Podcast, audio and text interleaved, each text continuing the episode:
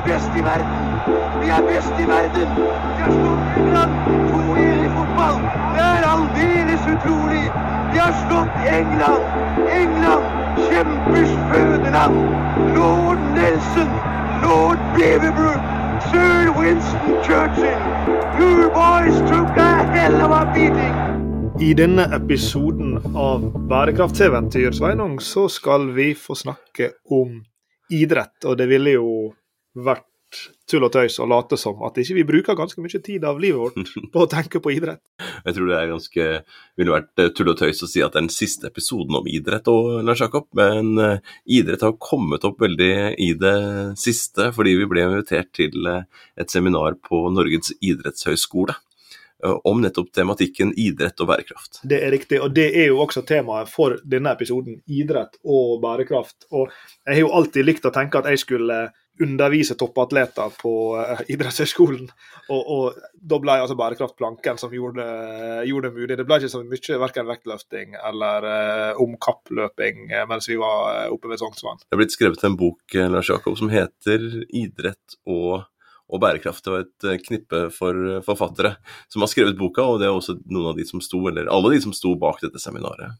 Det er riktig. Og, og forfatterne av eh, denne boka, som er jo verdt å, å sjekke ut for de som er, er interessert i, i, temaet. Boka heter altså 'Idrett og bærekraft'. Og det er Dag Vidar Hanstad, Morten Renslo Sandvik og Anna Maria Strittmatter som, som har skrevet denne boka. og Den er, er vel verdt å, å lese for, for dere som er interessert i Som undertittelen heter 'Perspektiv på miljø og samfunnsansvar i idrettens organisasjoner'. og Det er jo interessant med idrett, fordi at det er jo en del ting ved idretten som som fra et sosialt bærekraftsperspektiv er, ganske sånn kall det åpenbare. Det er en del av det, er frivilligheten, det er samhørigheten, det er den gode helsa, viktig bærekraftsmål. Det er mange sånne sosiale dimensjoner av idretten som som vel idretten har lange tradisjoner for å både bry seg om, og, og som en kanskje tenker på som en del av DNA-et til idretten. Men så har jo det kommet, som i så mange andre bransjer i de siste åra, noen ganske mye kraftigere eh, forventninger til det som dreier seg om, eh, om miljøansvar og miljøprestasjoner for disse disse eh, typene organisasjoner. For det er klart, det er lett når en sier idrett, så er det så lett å se for seg når mine mitt 2009-jentene eh, som er tolv år gamle og spiller fotball oppe på Sandviken, det er lett å se for seg det lille, det, liksom det, det dugnaden og pølsene og vaflene. men idrett er jo big business også, Svein. Det er det. Det er liksom idretten på godt og vondt. da, Du var inne på, på begge sidene her. altså Det er jo tydelige oppsider på idretten. altså Knytta til helse, knytta til tilhørighet, eh, knytta til underholdning. Det, det, skapes arbeidsplasser. Det er jo en stor industri. Eh, vi hørte på en podkast eh, før vi var og holdt foredraget vårt, Lars Jakob, fra The Guardian om, om, om, om fotball og klima. Mm. Og hvis jeg husker riktig, det er så stort tall, er det, snakker vi fem 1000 milliarder kroner. At det er mm. på en måte brutto sportsproduktet. Altså ikke nasjonalproduktet, men, men brutto eh, nasjonalproduktet til, til, til, til, idrettene. Og om det var et land, sa de på den podkasten, så ville det vært omtrent som Spania. Så det er et stort land, men da snakker man om hele verdikjeden til idrett, eh, inn i sponsing, eh, inn mot eh, gambling rundt, rundt, idretten, ned også da i produksjon av sportsutstyr, i eventene. Altså, dette er jo en stor industri, og så er det jo lett å tenke liksom den kommersielle toppidrettsdelen, men så går det jo helt ned i, i, barneidretten, inn i, i, breddeidretten, inn i de aktivitetene som folk gjør. Så, så idrett på, på, godt og vondt. altså de åpenbare positive sidevirkningene, men også de negative sidevirkningene. Og allerede når jeg begynte å løfte det opp her nå, um, produksjonen av, av, utstyret som brukes. ikke sant? Altså de eh, gambling, eh, de store arrangementene, eh, alle menneskene som skal fraktes over landegrenser.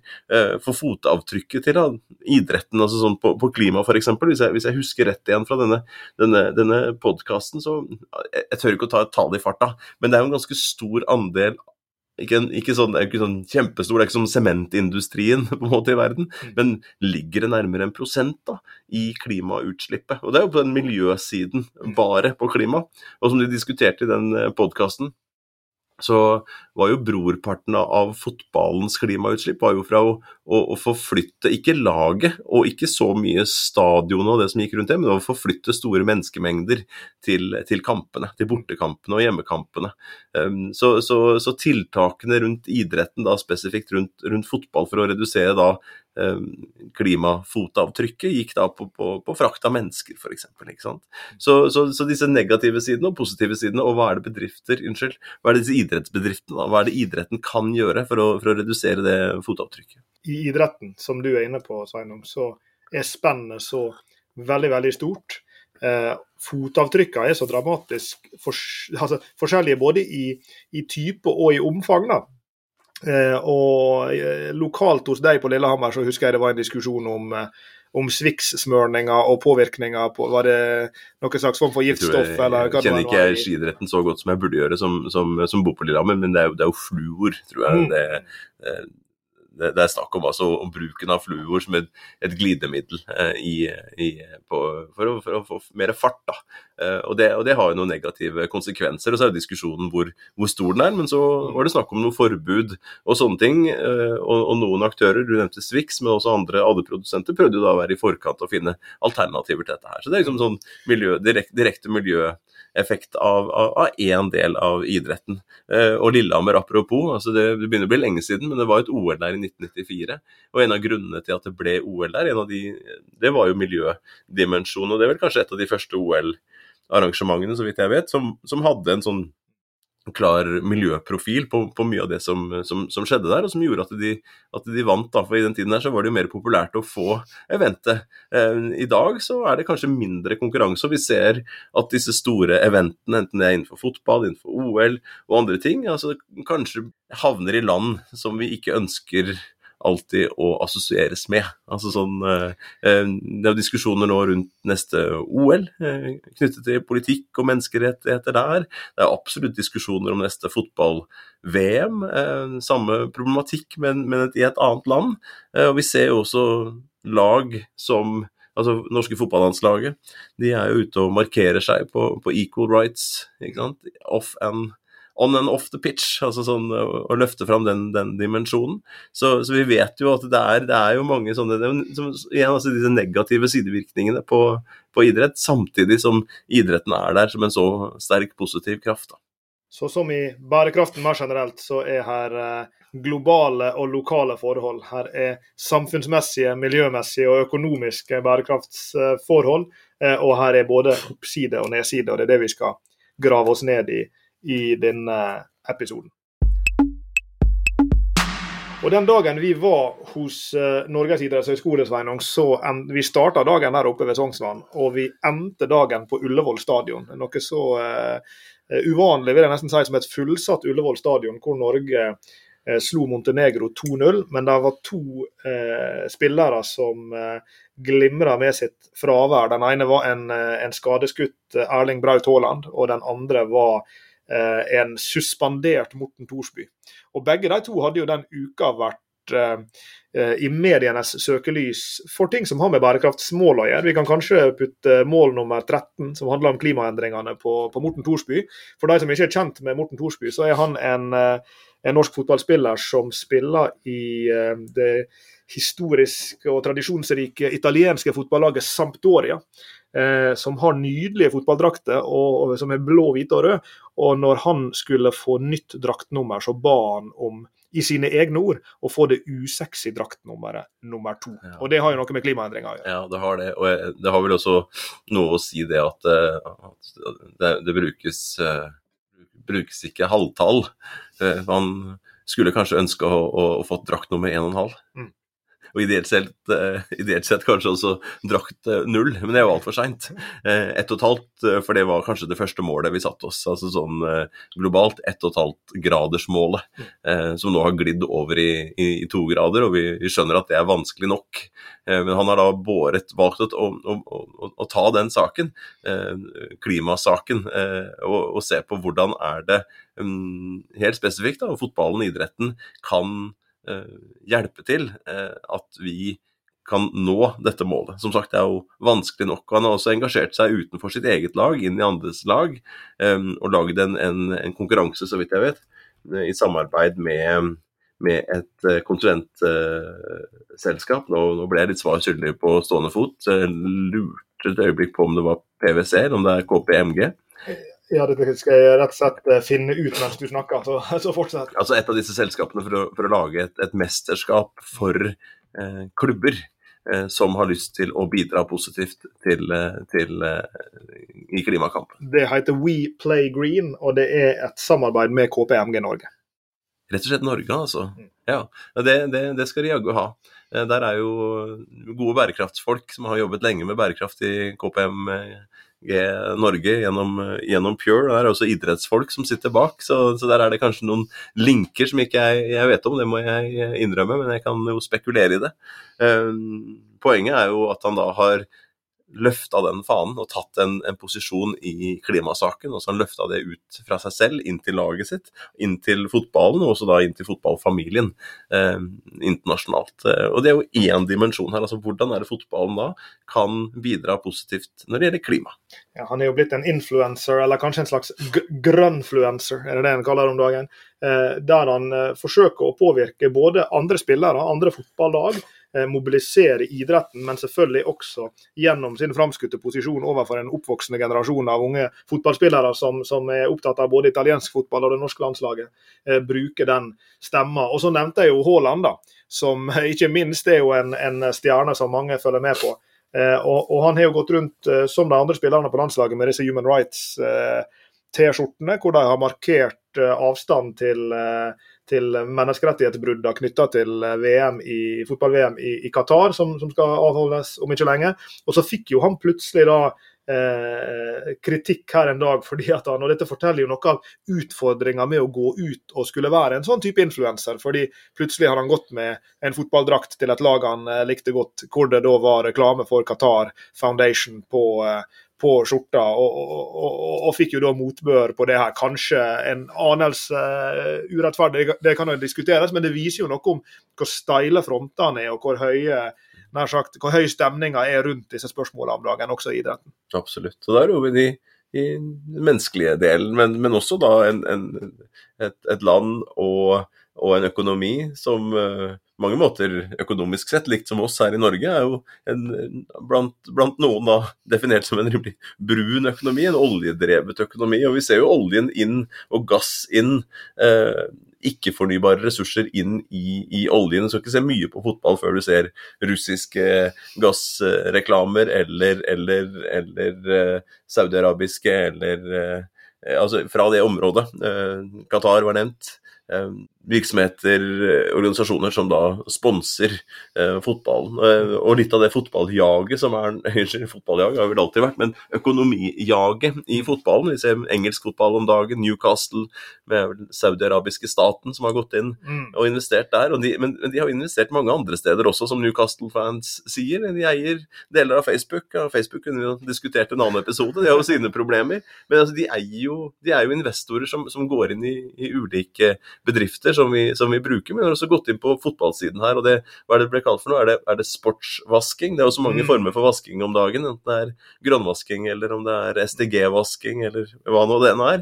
Så var sportsvasking også et, et, et, begrep som jeg så ble tatt opp nå. Er dette her egentlig reelt sett en investering med et økonomisk eh, motiv, eller er det et sportsvaskingsmotiv? At de da skal på en måte, ja, ikke grønnvaske, da, men, men, men, men eh, ja, sportsvaske seg mm. Eh, med å kjøpe en klubb som er populær, en idrett som er veldig populær. Og Der vi hekta klimaendringsmålet SDG 13 på Torsby, så kan vi vel da ta eh, SDG 8 om anstendig arbeid og, og gi her til Haaland som representant for alle de som reagerer på, på Qatar.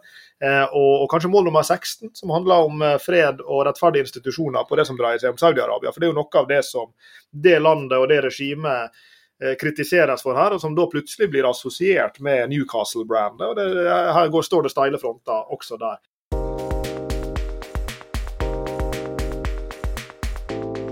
Før vi beveger oss videre og litt mer inn mot uh, forretningsmodellenes verdenseiendom, har jeg lyst til å trekke to innledende Eh, eksempel til, og, og, og, fortsette med disse, disse bærekraftsmålene som jeg, som jeg hekter på, på, hver av disse. Og, og, de er på en måte våre egne. Eh, du har jo Jeg vet ikke hvor mye du klatrer sjøl, men du har i alle fall mye med et klatresenter å gjøre, hvor der også kanskje dette bærekraftsmål åtte om, om, anstendig arbeid, og kanskje også nummer ti som handler om ulikhetene i samfunnet, kan, eh, kan brukes. Og Da tenker jeg selvfølgelig på Tyrili klatring på Lillehammer. Ja, det har vi pratet om før i, i podkasten, men da med en litt, litt annet fortegn. Ikke knytta det direkte til idrett og bærekraft, sånn som vi gjør nå.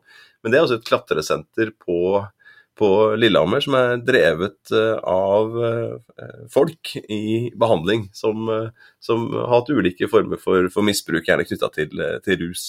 Hvor de da ikke lenger blir eks-rusmisbrukere, men hvor de blir klatreinstruktører. Mm. Og De drifter dette her, de tar um, kurs, og de holder kurs etter hvert. Barnegrupper jobber opp mot uh, um, NTG, som har uh, toppid, altså Norges toppidrettsgymnas på Lillehammer, som har en egen klatrelinje. Jobber der som hjelpetrenere. De, de, de er servicearbeidere uh, ut mot folk som skal bruke senteret. De gjør mange forskjellige typer altså, har mange forskjellige typer roller på, på, dette senteret. Og der er jo idretten. Altså, jeg husker under ungdoms-OL på, på, på, Lillehammer, jeg husker ikke årstallet i farta, jeg lurer på om det var 16 eller noe sånt, ja, så var det ungdoms-OL.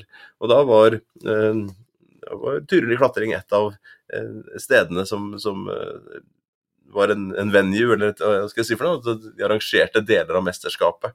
Eh, og det har vært mange andre typer mesterskap der eh, underveis. Så, så dette er et eksempel på hvordan idretten da griper inn i og kan brukes, da, i, i, dette tilfellet med en slags sånn sosial entreprenør, hvor idretten gir et, et, et, et, sted hvor folk kan få oppleve mestring, få seg en annen type utdanning, gjøre en jobb, eh, og, og som er en del av idrettsbevegelsen, det også. Uh, og, og, her er vi jo da igjen uh, inne i et eksempel hvor vi så tydelig ser liksom, funksjonen og rolla til idretten som går så langt utover bare idretten som sådan, i dette tilfellet da, som en arena for å få folk inn igjen i arbeidslivet som har falt utafor uh, for det. Og Så vil jeg trekke et siste eksempel. siden du fikk din lokale variant, så, så, drar jeg min egen, min egen, til slutt. og Det vil jeg hekte på bærekraftsmål nummer fem om Eh, gender equality, eller, eller kjønnslikhet og likestilling. Eh, for jeg, jeg, nevnte jo i forbifarten her at jeg er lagleder, selv om jeg egentlig foretrekker begrepet manager, for eh, tolvårige jenter som spiller for idrettslaget Sandviken her i Bergen. Og, og selvfølgelig det er jo en spesiell tid for klubben, fordi eh, toppseriedamene til Sandviken ligger jo nå ubeseira på toppen av toppserien og trenger kun én seier for å, for å vinne, vinne, ligaen. Og, og det, er det ikke sånn alle lag her i Bergen? vi, vi, trives best på toppen. Eh, og, og, disse jentene da som, eh, som eh, er på mitt lag, de, de, finner jo selvfølgelig mye glede og inspirasjon i disse toppseriedamene som tar seg tid til å være trenere, som møter opp på, på treningene til aldersbestemte lag og, og coacher dem og inspirerer dem. Eh, og Derfor så var jo disse jentene på, på laget mitt mildt sagt forbanna for noen uker siden, sammen med ganske mange andre nordmenn, eh, når det ble slått opp over hele forsida til Bergens Tidende at portretter av toppserielaget som pryder garderobene i eh, på Stemmemyren stadion, hvor Sandviken holder til, hadde blitt plukka ned av spillerne og trenerne til herrelaget til Sandviken, som ligger litt lenger nede i, i, i divisjonene, hvis vi skal sammenligne på tvers av, av kjønna her, fordi at de opplevde at dette var forstyrrende for deres sine forberedelser til kamp i eh, den tredje divisjonen som, som de hører hjemme i.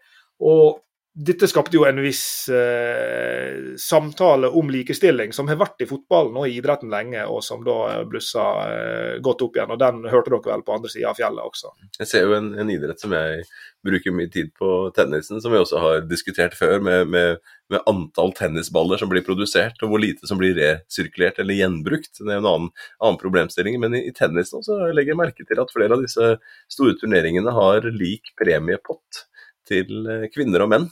Det syns jeg er, et, det, er, godt å se. Eh, og, Vi har jo hatt diskusjoner her hjemme rundt, rundt hopp, eh, bl.a. Den, den pågår jo også rundt en litt sånn eh, en, en idrettssjef eller sportssjef som, som, har uttalt seg ganske bastant i, i media over tid og, og lagd litt, uh, lagd litt brudulje. Man har stått uh, i, i, bresjen for, for, for damehopp uh, og, og, den retten til å hoppe i store bakker, retten til å bli prioritert på samme måte, og så bli belønnet for, på, på, samme måte for, for likt arbeid, jeg har sagt. Så, så den kjønns, kjønnsdimensjonen i idrett den er jo absolutt til stede, eh, på godt og vondt. Altså, det, det, det, det viser jo at den, den, kan gå opp nye stier.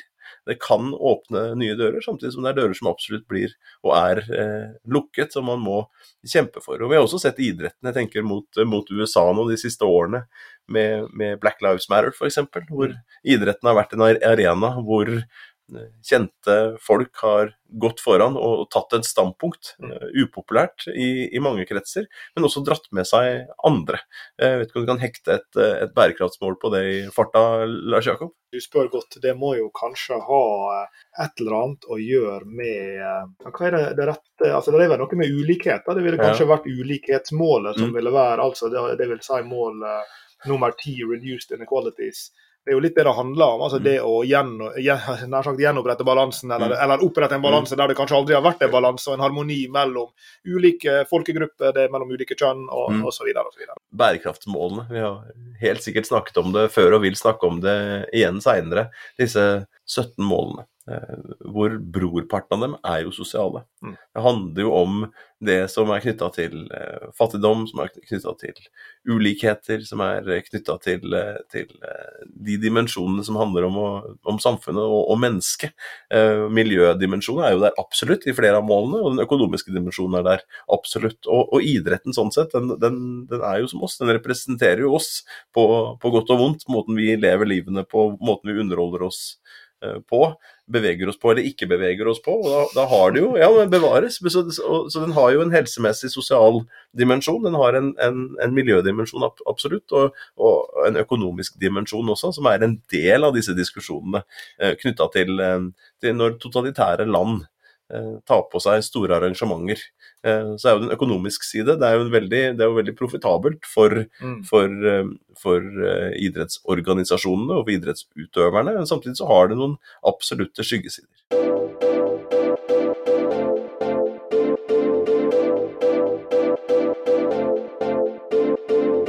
Hvis det er noe det går sport i for meg og deg, Sveinung, så er det å gjøre enhver samtale om til en forretningsmodellsamtale. Mm. Og det skal vi selvfølgelig ikke la muligheten unnslippe til eh, å gjøre her også, fordi det er noen forretningsmodeller i idretten, fra, fra de bitte små som er basert på, i stor grad på frivillighet, til de store forretningsmodellene til Fifa og Uefa og OL og IOC og, og, you name it. Eh, og Vi skal eh, i alle fall fortelle to små forretningsmodellhistorier her om, om sport. Vi skal ta en norsk en først, og så skal vi ta en, en, en internasjonal en fra, fra de britiske øyer etterpå. Og Hvis jeg husker rett, så var det på et arrangement i regi av IOC, faktisk, hvor jeg og du var, var invitert for å snakke om hvordan kan et bærekraftig OL se ut eh, at vi først traff Steinar Hoen, hvis jeg husker rett. Mm. Og han var der for å fortelle om bærekraftsarbeid, eller kall det bærekraftsomstilling, eller hvis du har lyst til å fleske til bærekraftsinnovasjon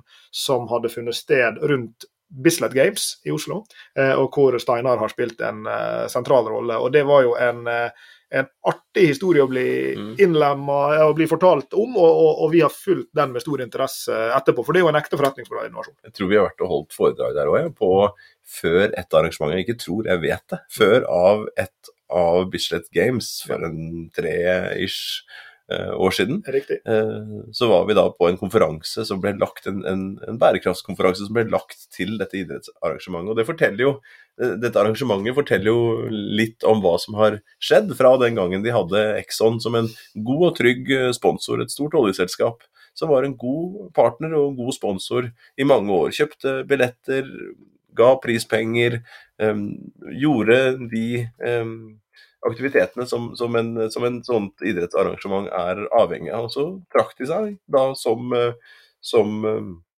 sponsor etter flere år. Jeg kjenner ikke akkurat til historien hvorfor de valgte å, å, å bryte samarbeidet. Det, sånn, sånn, skjer jo absolutt. Eh, men Bislett Games, sånn som Steinar Hoen fortalte det, sto da ved et, et lite veiskille, et stort veiskille. Potensielt stort veiskille. Hva skulle de bli fra nå av? og det er, jo, det er, jo, verdt å prøve å sette seg inn i skoene til en sånn eh, virksomhet, et sånt stevne på, på, et slikt tidspunkt. Hvis jeg husker rett, så hadde Exxon vært hovedsponsor for Bislett Games i 29 år. Mm. Eh, og Det betyr jo at du har en veldig stabil finansieringskilde som antagelig, Nå kjenner jeg ikke detaljene, men jeg går ut ifra at de hadde en stor direkteoverføring i rene penger. De kjøpte nok antageligvis opp en ganske god chunk billetter til hvert stevne hvert eneste år, til samarbeidspartnere til seg sjøl og, og hva det måtte være. Så en veldig sånn kall det trygg ryggrad å ha da, i, i et stevne. Eh, og en naturlig sånn like for like-beslutning vil jo være å si OK, la oss finne en tilsvarende sponsor som kan ta over. Kan vi se for oss at uh, Elf Total, eller at for den del Equinor Eller det trenger ikke vært et uh, olje- og energiselskap engang. Det kunne vært Telenor eller Yara eller en eller annen stor virksomhet da, som kunne gå inn og være og fortsette å være en, en, hovedsponsor på den samme måten. Men de valgte jo da å tenke helt annerledes. Så måten jeg vil beskrive det på, at de begynte å tenke på Bislett Games mer som et slags økosystem. Altså en forretningsmodell som er et slags økosystem. For det er klart at, at Bislett Games er jo et det vil er rett å kalle et stevne, et idrettsstevne som finner sted på en bestemt uh, eh, lokasjon, jeg liker ikke det norske ordet, men jeg bruker det likevel, eh, som er Bislett stadion. Som er jo da en nær sagt en, en, stadion som er i og for seg uavhengig, brukes også til andre ting enn bare dette stevnet, men, men, det er en viktig hjørnestein i, i Bislett Games, selvfølgelig. Bislett stadion den befinner seg midt i en by som heter Oslo, eh, med Eh, med all infrastruktur som det innebærer. Og så befinner Bislett Games seg eh, og jeg vet ikke hvor lenge det har vært, men de befinner seg innenfor en, en internasjonal liga som heter Diamond League. og Det betyr at det er en serie med stevner som i en eller annen forstand henger sammen. da, mm. Hvor de samme utøverne drar til flere ulike stevner flere ulike steder eh, i verden. og Det skulle jo også etter hvert vise seg å bli en del av denne historien. Men de begynte jo her i en sånn erkjennelsesfase, som vi liker å kalle det, der de kikka seg selv i speilet og sa ja, hvordan er det egentlig vår forretningsmodell fungerer, og hvordan er det vi kan videreutvikle den. Sånn som jeg forstår Diamond League, da, så ja, det er liksom et på en måte øverste nivå da, eh, på idrett utenfor, altså på friidrett utenfor disse store, store, stevnene. Og jeg forstår det også dit hen at de ulike Diamond League-stevnene og de største stevnene de konkurrerer om å få de beste og tiltrekke seg de beste eh, aktørene.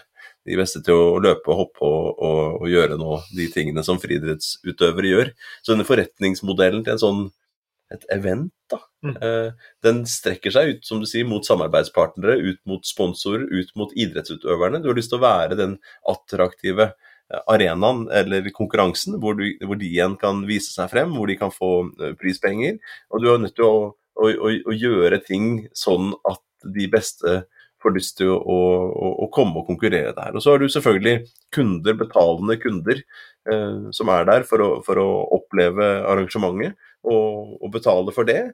Du har sponsorer som vi har snakket om her, som, som også betaler som en tredjepart. Det er jo ikke kanskje en sånn kunde i den forstand, men det blir jo en slags kunde fordi at de betaler regningen for det hele. Så i dette, dette veiskillet da, fra det de hadde vært, og måten de hadde vært og håndtert denne store ene sponsoren, men sikkert også flere andre sponsorer på andre ting, til å tenke videre, og også da tenke hvordan hvordan kan vi gjøre noe på miljøsiden her? Hva er i erkjennelsen, som du nevnte, Lars Jakob, hva er skyggesidene her? Mm. Og som sagt i stad, det å frakte mennesker til et idrettsarrangement, enten det er utøverne eller, eller, eller uh, tilskuerne, det er en stor, stort fotavtrykk. Og så kan man jo se på selve arrangementet. Hva er det som skjer der med avfallshåndtering f.eks. Når, det, når dette pågår.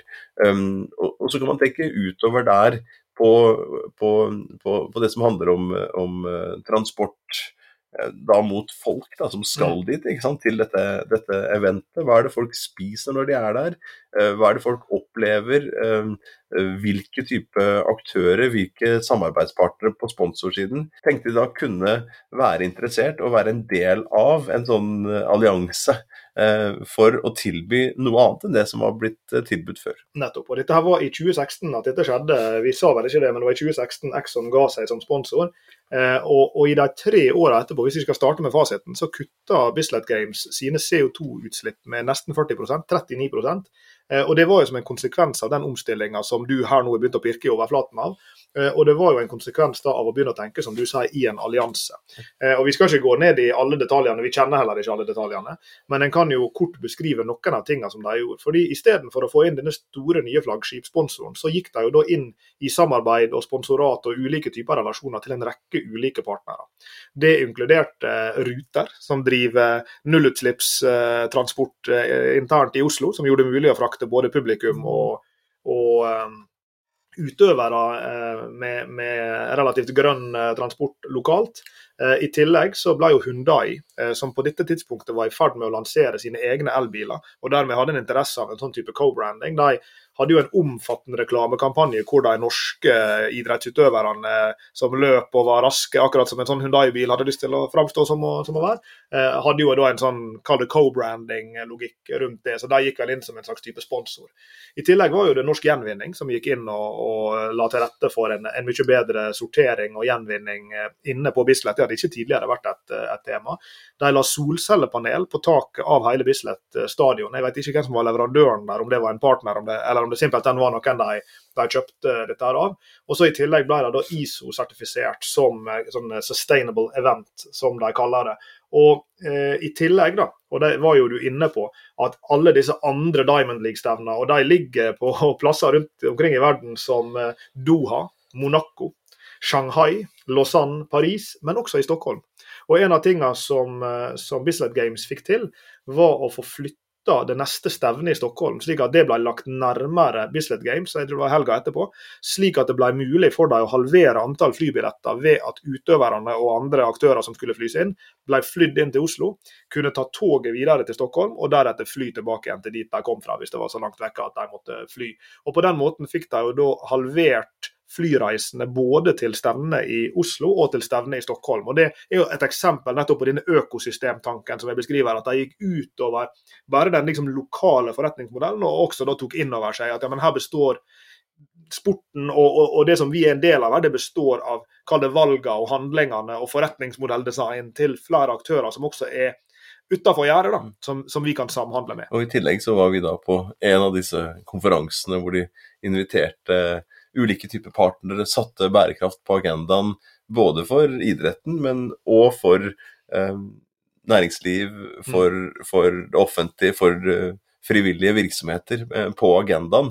Uh, og lagde møte, en, en, møteplass hvor man kunne komme sammen og se, okay, hente inspirasjon fra dette her, men også kunne gi inspirasjon til, til Bislett Games da, og på, på veien, veien videre. Mm. Um, for det er, liksom, det er, så lett å tenke liksom, åh, disse her klimautslippene og, og, disse negative sosiale økonomiske virkningene. Altså at alle de tingene må løses globalt. Mm. Det må løses gjennom liksom, nye reguleringer, det må løses av de store selskapene som har et stort fotavtrykk. Og du sa de hadde redusert sitt eh, klimaavtrykk med, med 40 mm. Det er jo ikke sikkert at det var så himla høyt i utgangspunktet. Mm. Altså, Kanskje ikke man ville, ville tenkt at nei, det er, ikke, det er, ikke, et event som dette her det står og faller på. Mm. ikke sant? Mm. Men allikevel så viser det ok, hvordan kan man da med idretten i, i bånn her bruke en, en, sånn arena for å tiltrekke seg sponsorer, for å få flere til å tenke eh, bærekraft også inn i sine forretningsmodeller, og hvordan man kan utvikle den forretningsmodellen som var, til en mer alliansebasert og enda mer attraktiv. For, for, historien har vært veldig positiv etterpå. De har solgt mer billetter, de har tiltrukket seg eh, aktører, altså, eh, og, og, da tenker jeg på, på idrettsutøvere. Eh, de har overlevd og vokst Eh, økonomisk. Eh, og de har klart å sette seg da og, og, og være med å utfordre også andre idrettseventer og organisasjoner til å integrere bærekraft inn i, i, i sine forretningsmodeller. Ringer i vannet, ikke sant. Og, og Bislett-generalen eh, Hoen her da er, er, sitert på Diamond League sine nettsider der han eh, forteller om denne historien her, og, og oppsummerer med, med at It is smart environmentally, economically and reputationally. Og spesielt dette siste, da. Denne evnen til, eller det at dette muliggjør å tiltrekke seg partnere du ellers ikke ville hatt. Tiltrekke seg kanskje sponsorer som ellers ikke ville vært aktuelle. Og da å havne i en annen markedsposisjon enn du var i, det er jo noe av det som jeg syns er slående med denne historien.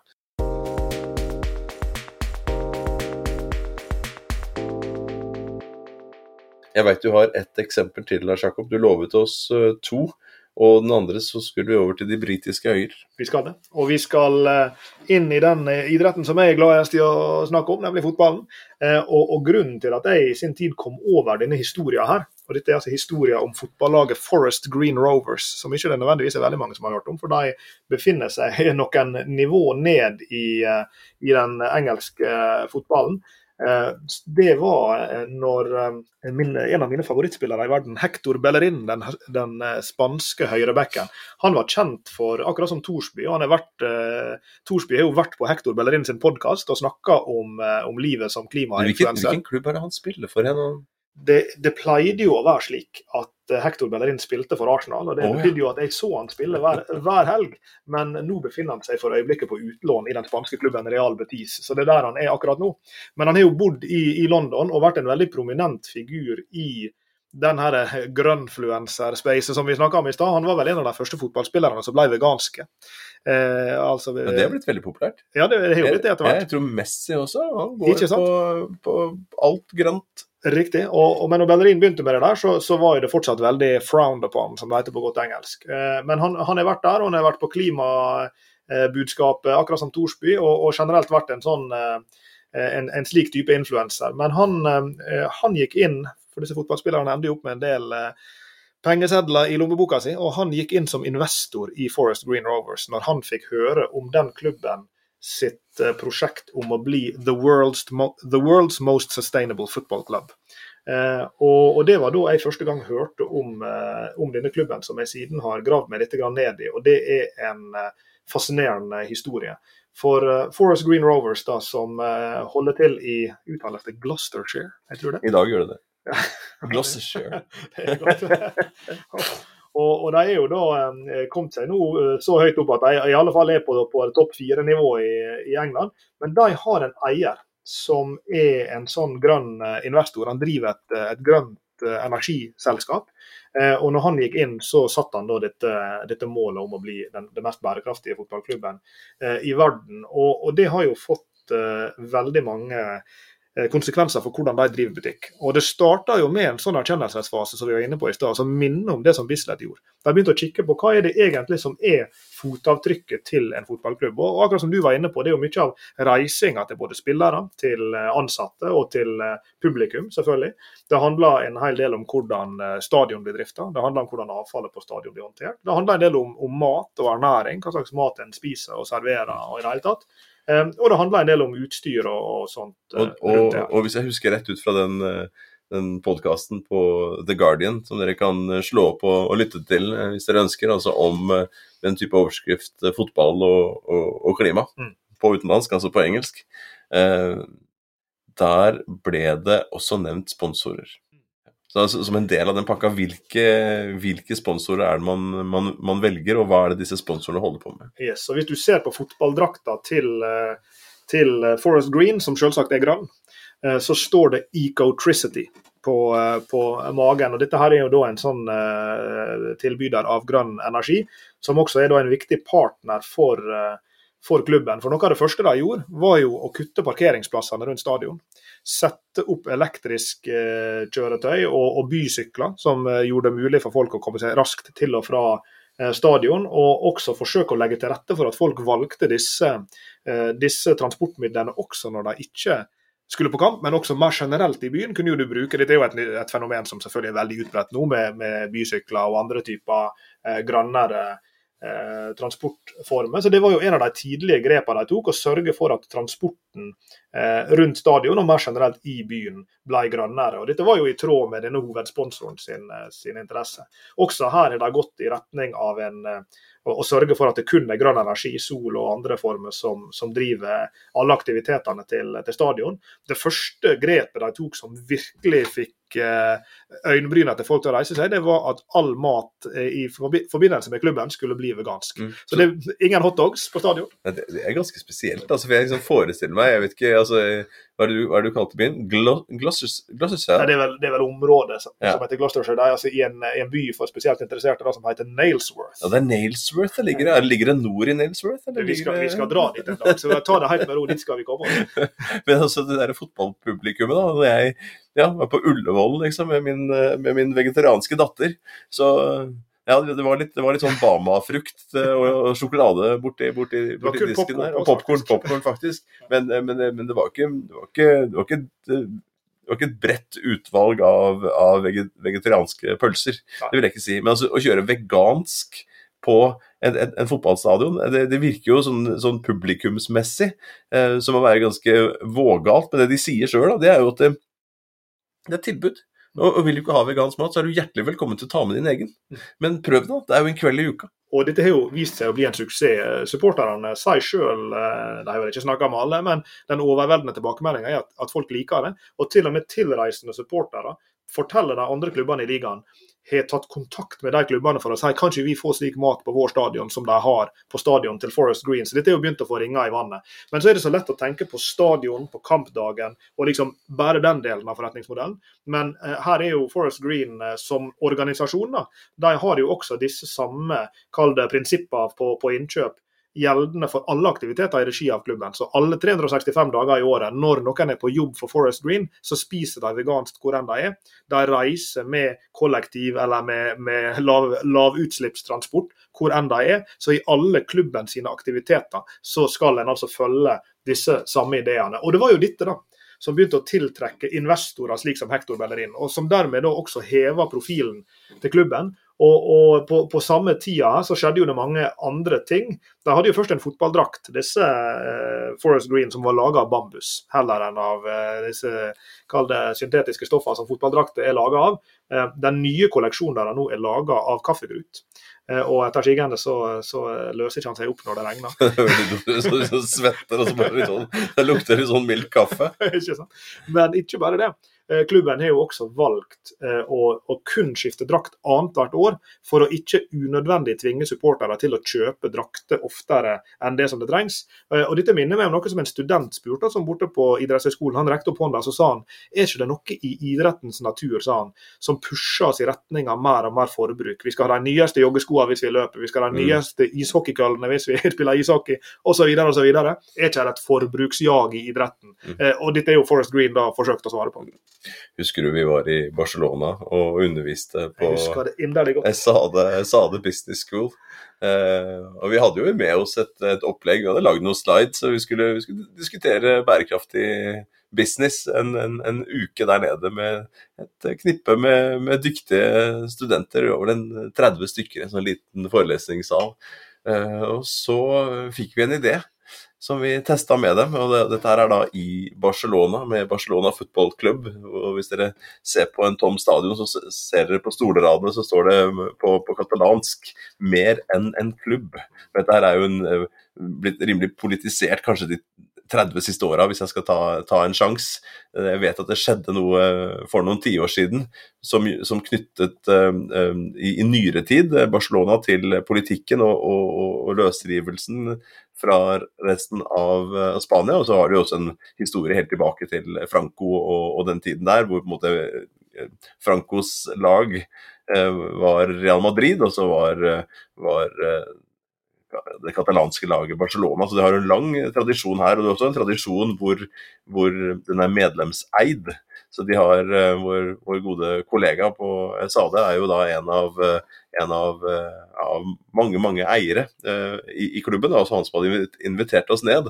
og med den, dette som bakgrunn da, så, så, dro vi en liten hypotese da, foran denne klassen hvor vi sa har Barcelona bare blitt en en vanlig fotballklubb, og, og uttrykt gjennom the real madridification. The re, det, det, er et uttrykk som ikke er vårt, men altså real madridification of Barcelona. Har Barcelona da, som begynte uten eh, reklame, eh, som en periode hadde Unicef som eh, på, på, på trøyene sine, men det var ikke fordi at Unicef betalte dem penger, det var fordi de betalte penger til eh, Unicef. Og så etter hvert Hæ? Omvendt sponsing. Ja, takk. Det var omvendt, eh, omvendt uh, sponsing. Uh, og, men seinere så ble det jo mer tradisjonelle sponsorer. En periode så var det vel noe, noe, noe fly, noe fly Qatar Airways, ja, tror jeg. Ja, nedover i det samme området som vi diskuterte i stad. Det har vært Rakuten, det var de som var der i en, en periode.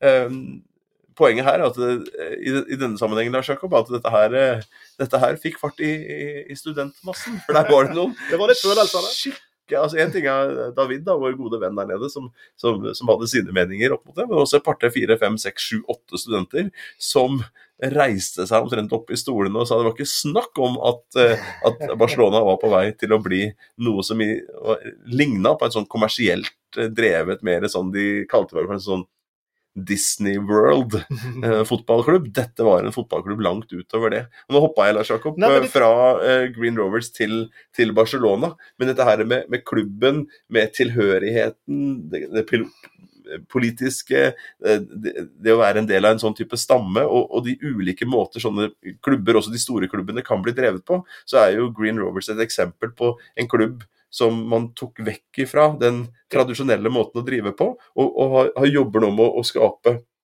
en annen fortelling mm. rundt hva, hva er det klubben er for hvem, og, og, hva er det den gjør da positivt for miljøet kontra andre. Og så jobbes det også med å få andre klubber med seg til å gjøre tilsvarende tiltak. Ja, og det interessante her, Jeg liker parallellen din veldig godt, fordi det er noe interessant her i at Barcelona har jo kanskje, vil mange si, hatt et slags sånn fall from grace. De var den litt sånn ubesudla klubben uten reklame og sponsor og sånt. De var, de var liksom sånn heva over disse kommersielle eh, sånne, eh, problemstillingene der. Eh, men så, har de da nær sagt eh, gått veldig vekk fra det, er det vel lov å, å si. Mens Forest Green de har jo gått motsatt vei. Altså De var en helt vanlig fotballklubb, og så har de ja, i bunn og grunn en måte å si det på. De, har satt noen prinsipp, og de prinsippene viker ikke de fra. Og Det får konsekvenser for hva slags type samarbeidspartnere de skal ha, hva slags type innkjøp de skal gjøre, hvordan de skal drive butikken sin eller klubben sin. Eh, men så akkurat som i tilfellet Bislett Games, så betyr jo det også at de tiltrekker seg noen nye ressurser som identifiserer seg med den agendaen. Og investorer av typen Hector Bellerin, som også kan heve profilen, er et eksempel på det.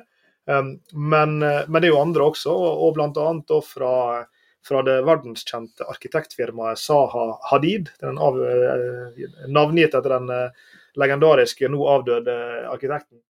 De tok jo kontakt i 2016, samme år som de starta på Bislett, med Forest Green for å starte eh, drømmen om denne stadion som nå er under oppføring, som heter Forest Green Rovers Eco Park Stadium. Og Det er jo da en eh, meint for å være den mest bærekraftige stadion til det mest bærekraftige fotballaget. og Den er bygd i, i eh, tømmer. Han er designa på en slik måte at han skal maksimalt bruke naturen sin egen, altså både belysning og oppvarming og ventilasjon og, og i det hele tatt. De har også hatt full gjennomgang på, på liksom gressmatta, hva er den laga av, få vekk alle slags former for miljøgifter og altså plastgranulat som brukes for å spe ut gresset. Det er så mange ting som går inn i en bygning og i en kall det infrastruktur på, på en stadion. Og, og, dette prosjektet har jo selvfølgelig ytterligere heva profilen til denne klubben. Eh, også da på, på, den eh, fronten ut mot verden, nemlig stadion. og Den er da også i et sånt byutviklingsperspektiv plassert slik at det skal være mulig å gå dit eller sykle dit. Ingen parkeringsplasser. Alle disse samme prinsipper som skal legge til rette for kall det bærekraftsmål 12, da, responsible consumption av idrettsopplevelsen. Eh, og, og, Det kan jo være interessant her å trekke en parallell til den nylige net zero-kampen som eh, ble spilt i Premier League i hermetegn net zero. For det var en kamp mellom Chelsea og Tottenham i London hvor det var vel Sky, tror jeg, TV-selskapet Sky, eh, Premier League og disse to klubbene gikk sammen for å se kan vi klare å lage en kamp hvor vi prøver å ha det absolutte minimale fotavtrykket med å oppfordre folk til å ta sykkelen eller gå eller hva det måtte være, og alle disse forskjellige grepene de tok. Og da prøver de å i en viss forstand etterligne litt på storskalanivå det som Forest Green i sin litt mer sånn small is beautiful-verden eh, ser ut til å lykkes eh, veldig bra med. Vi begynte podkasten med, med Idrettshøgskolen, den nye, nye boka, eh, og dette seminaret. Eh, også, som også sparket i gang et helt nytt kurs på en idrettshøyskole om nettopp idrett og, og, bærekraft. Og Det er jo interessant, hvis man har fulgt eh, bærekraftsfeltet litt over tid, fra det var upopulært til at det i dag begynner å bli populært innenfor nye sektorer, eh, og ser også hvordan idretten har meldt seg på, og også behovet for at de melder seg på i større grad for å redusere fotavtrykket sitt, men også da å løse flere problemer, kaste, kaste mer lys. Mm. Og Det blir spennende å følge nå framover, både på, på forskningssiden og, i, og i, i, praksis, hvordan dette her utspiller seg de neste årene. Idretten. Eh, må vi eh, rette en takk her til eh, Norges idrettshøgskole og Dag Vidar Hanstad spesielt, som oppfordra oss til å grave oss litt ned i dette temaet i forbindelse med seminaret vi holdt der borte. Og, og som dermed er medskyldige i at denne podkasten ble til. Og, og, som du vel innleda med å si, Sveinung, så er det vel neppe siste gang vi har brakt idretten og dens positive og negative fotavtrykk inn i samtalene våre her i Bærekraftseventyr. Du har hørt på Bærekraftseventyr med Jørgensen og Pedersen. Send e-post til eventyr.krøllalfa.jorgensenpedersen.no for å stille spørsmål eller komme med forslag til tema for fremtidige episoder.